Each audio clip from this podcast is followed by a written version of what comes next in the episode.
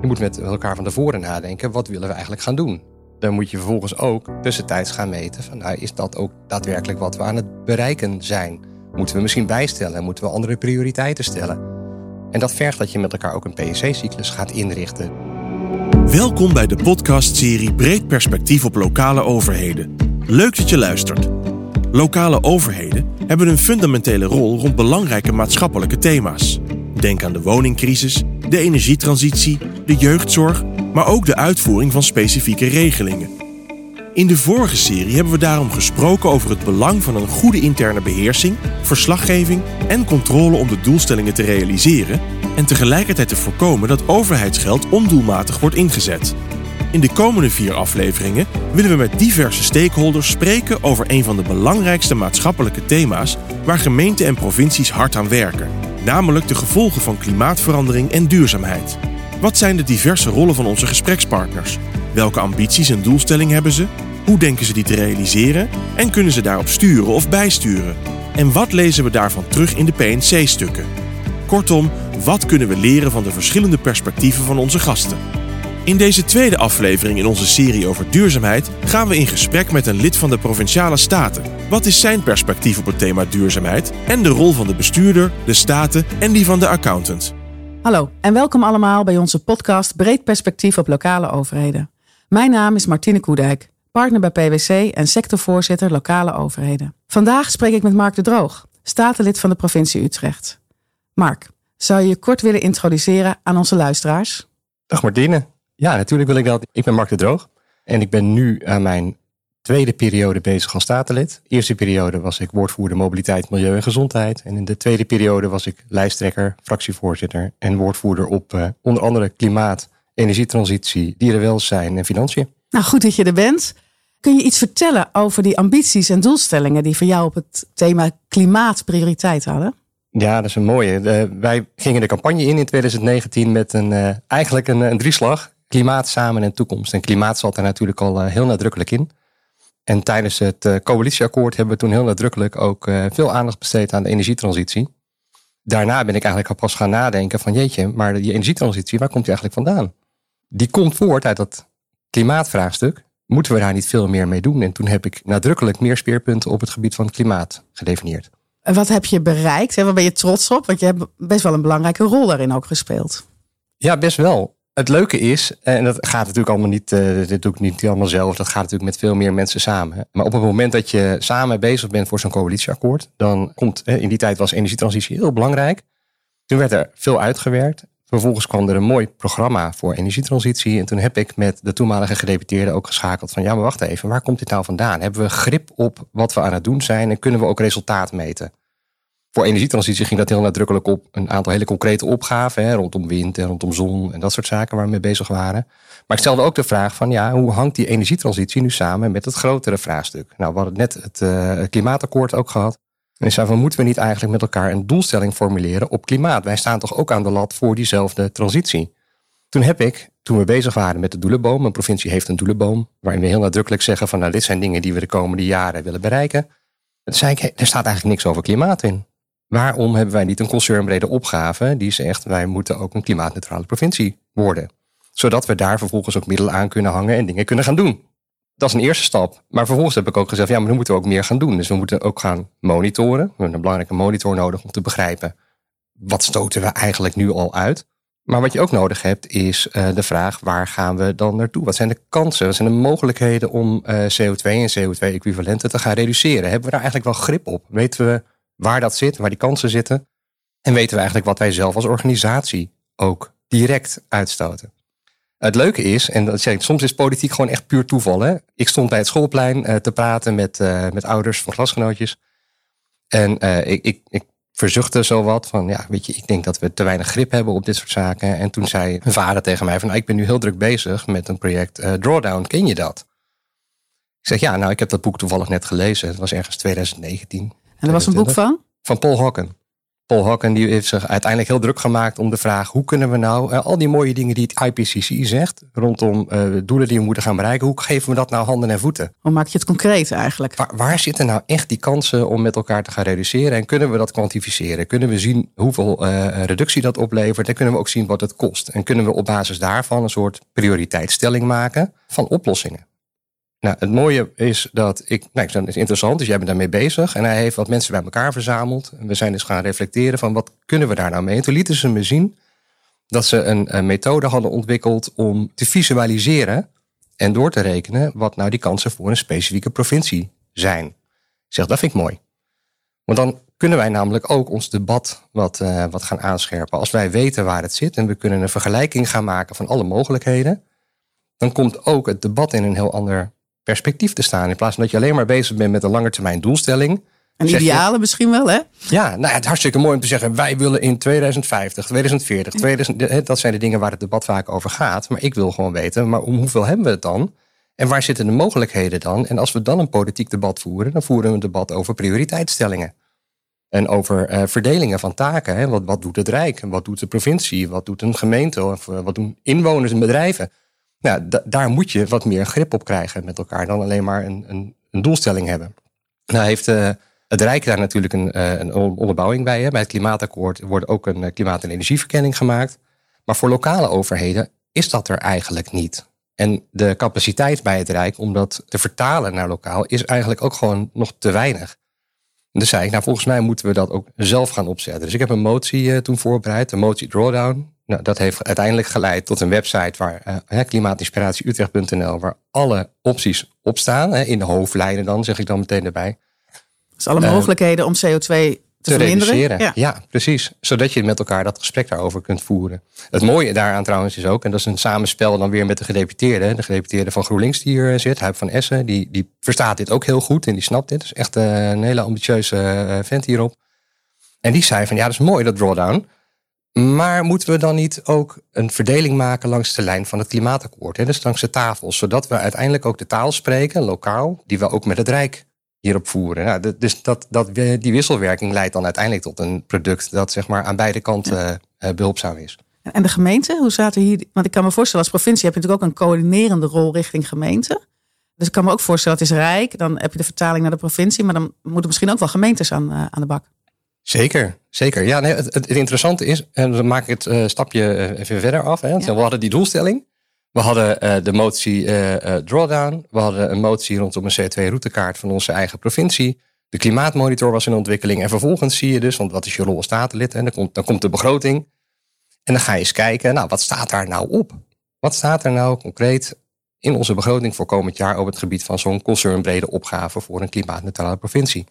Ja, dat zat ergens verstopt onder alle concernbrede opgaven. Dat zijn er vier. En dan ga je als statenlid ga je technisch uitvragen. Dus van, waar bestaat nou dit bedrag eigenlijk uit?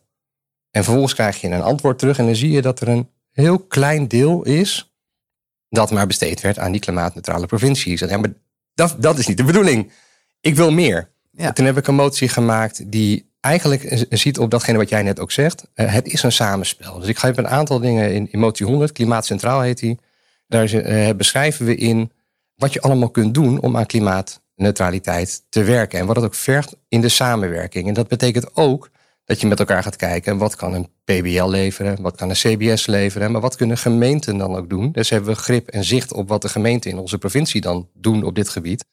Zodat we samen meer kunnen sturen op dit, uh, dit vraagstuk.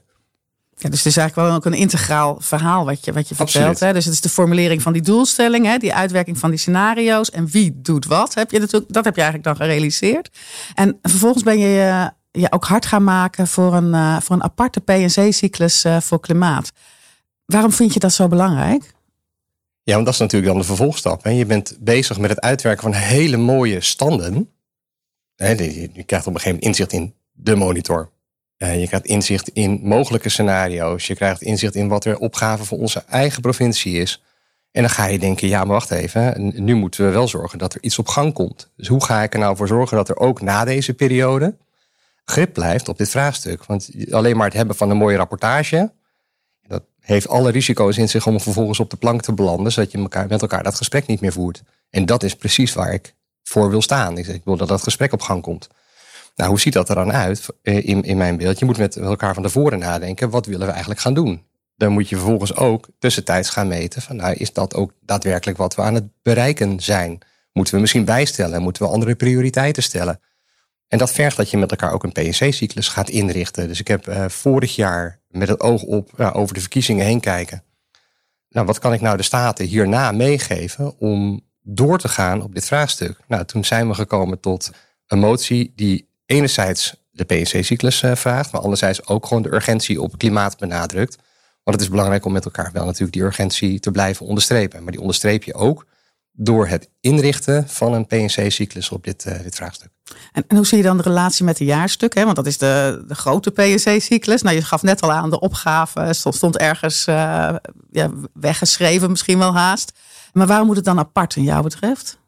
Wat je ziet is dat er, er zijn natuurlijk heel veel opgaven binnen de provincie. Je kunt van iedere opgave, van heel veel opgaven, laat ik zo zeggen, kun je wel zo'n soort PNC-cyclus maken. Dit is een hele grote die er dwars doorheen loopt. En uh, als het overal in doorverweven is, dan krijg je minder grip en zicht op de integrale vraag die eronder zit.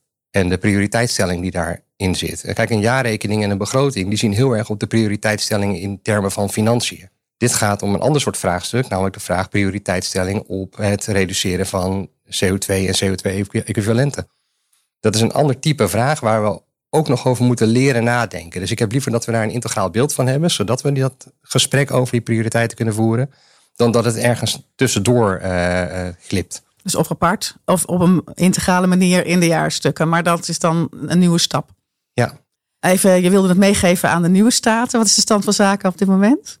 Ik zag toevallig net een, een uitwerking voorbij komen voor die PNC-cyclus. Uh, waar ik natuurlijk heel blij mee ben. Overigens wat echt te gek is, is dat er nu geïnvesteerd is in een teampje. Hè? Het is een klein team, voor mij zes mensen nu bij de provincie, wat zich echt hier actief mee bezighoudt. Dat geeft me al een gevoel van een stukje borging naar de, naar de toekomst. En die hebben nu ook nagedacht van nou, hoe, hoe kunnen we nou een, een gesprek starten over die PNC-cyclus. Wat ik wel zie daarin, is dat ze het nu nog heel erg verbinden bijvoorbeeld aan de SDG's. Dus je gaat hem eigenlijk weer verder verbreden. En ook die discussie over brede welvaart is er ook zo eentje die er steeds in naar, naar boven blijft komen hartstikke belangrijk, maar laten we voorkomen dat we het nog groter en nog breder gaan trekken. Want je moet op sommige thema's ook gewoon heel scherp willen pakken van nou, hoe gaan wij nou prioriteren binnen dit specifieke vraagstuk. Dan heb je straks die aparte PNC-cyclus. Hè? Ik vroeg me dan af, ja, dat, dat is mooi voor statenleden. Hè? Maar wat betekent dat nou voor mij als inwoner van een provincie? Wat zie ik daar dan van terug? Voor inwoners is het belangrijk dat je, net als politici, want wij zijn uiteindelijk gekozen, ook door diezelfde inwoners. En ik probeer grip te krijgen op een heel abstract vraagstuk, wat overal zeg maar doorheen blijft vliegen. Dus voor inwoners is het ook relevant om te begrijpen waar zit het eigenlijk? Waar zit onze uitstoot als provincie? Waar zitten onze kansen om dat te reduceren? Wat kan ik daadwerkelijk zelf doen? Wat verwachten we eigenlijk van inwoners, van bedrijven, van gemeenten. Uh, waar zit het en hoe kan ik daarin ondersteunen? Ik denk dat een PNC-cyclus helpt in zicht krijgen op waar het zit, maar ook in waar je zelf kunt bijdragen en het begrijpen hoe een provincie tot prioriteitsstelling daarin komt. Hè? Want uiteindelijk, wij zijn maar één van die zoveel schakels voor dat hele totale vraagstuk, wat we globaal natuurlijk aan het, uh, aan het doen zijn snappen we dan ook waarom we hierop inzetten en niet op andere vragen. Dus kunnen we het onderscheid maken tussen die andere actoren in het hele, hele spel om die reductie te gaan realiseren. Ik denk dat het enorm helpt, een PNC-cyclus, om dat begrip daarin te gaan uh, vergroten. Ja, wat ik belangrijk vind, denk ik, voor de PNC-cyclus, voor de inwoners is dat ik denk dat het begrijpelijk is. En wat ik hoor, ja, dat wel jouw ambitie daarbij is. Dat ook de inwoner wordt meegenomen in die doelstellingen, de kansen en natuurlijk ook de stappen die gewoon gezet moeten gaan worden voor de toekomst. Er is sprake van een wisseling van de wacht uh, door de verkiezingen. Je hebt al wat tips gegeven. Misschien je, wil je er zo meteen nog meer geven voor de nieuwe statenleden. Maar welke rol zie je nou voor een bestuurder en voor de concerncontroller? Voor de bestuurder is een hele belangrijke dat als er een PNC-cyclus is, dat er ook in het college afspraken gemaakt gaan worden over de rol van degene die klimaat in portefeuille heeft. Nu is het zo, hè, als je denkt in termen van, van financiën, dan vinden we het heel vanzelfsprekend dat er een, uh, een, een gedeputeerde financiën zit en die moet nog een keertje toetsen en die zet kaders en die maakt afspraken met zijn collega's. Ik denk dat het heel logisch zou zijn als we dat ook voor de CO2-doelstelling van de provincie gaan doen. Dus dat de, eh, de klimaatgedeputeerde ook een bevoegdheid krijgt om altijd even mee te kijken met zijn collega's van uh, wat levert dit nu uiteindelijk op op die grote concernbrede opgave die wij met elkaar hebben. Of juist niet. Dat is natuurlijk ook nog heel erg interessant uh, om daarop uh, op te sturen. Dus eigenlijk een soort systeemverantwoordelijkheid voor de gedeputeerde klimaat. Ja. En de concern controller, heb je, zie je daarvoor een specifieke rol? Ja, die kan natuurlijk enorm ondersteunen in het uh, verder onderbouwen van die PNC-cyclus. En dan moet ik er ook wel meteen een stukje rust in bouwen. Want het gevaar is dat we hier heel precies willen zijn. Dat zag ik eigenlijk al toen ik met de PNC-cyclus motie kwam. Dat er meteen een reflex ontstond van nou laten we maar met de accountant gaan praten.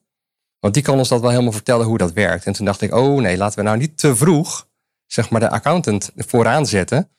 Tenzij het een accountant is die open wil meedenken hoe dit gaat landen. Want we zijn eigenlijk nog van alles aan het ontdekken. Waar zit het? Weten we precies waar de bronnen zitten? Weten we precies wat de oplossingen zijn, hoe we dat berekenen? Ik kan me heel goed voorstellen dat die monitor die we nu hebben, dat dat volgend jaar in een vervolgmeting leidt tot nieuwe inzichten. Hey, we hebben sommige dingen anders gecalculeerd, of we komen tot nieuwe bronnen, we zien nieuwe kansen dan kan ik me politiek al voorstellen dat dat meteen leidt tot een discussie van zie je nou wel, het is allemaal onzin en uh, je berekent het niet goed. Ik denk, nou nee, dit is met elkaar samen willen uitvinden hoe dit werkt.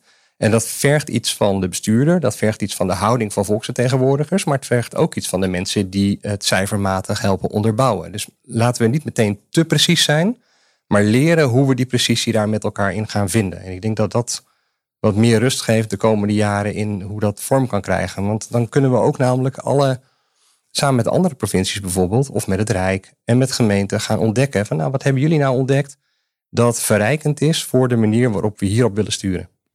Eigenlijk zeg je, je moet niet meteen alles vastzetten en controleerbaar willen hebben, maar ook de weg van de lerende organisatie gaan. En dan moet de accountant, eh, hoor ik je ook heel duidelijk zeggen, daarin eh, in meegaan. En die kan natuurlijk een fantastische reflecterende rol hebben, maar hou het daar dan ook bij. Precies. Mooi om af te sluiten. We zijn alweer gekomen aan het einde van de tweede aflevering over duurzaamheid. Waarin Mark het perspectief van een statenlid heeft ingebracht.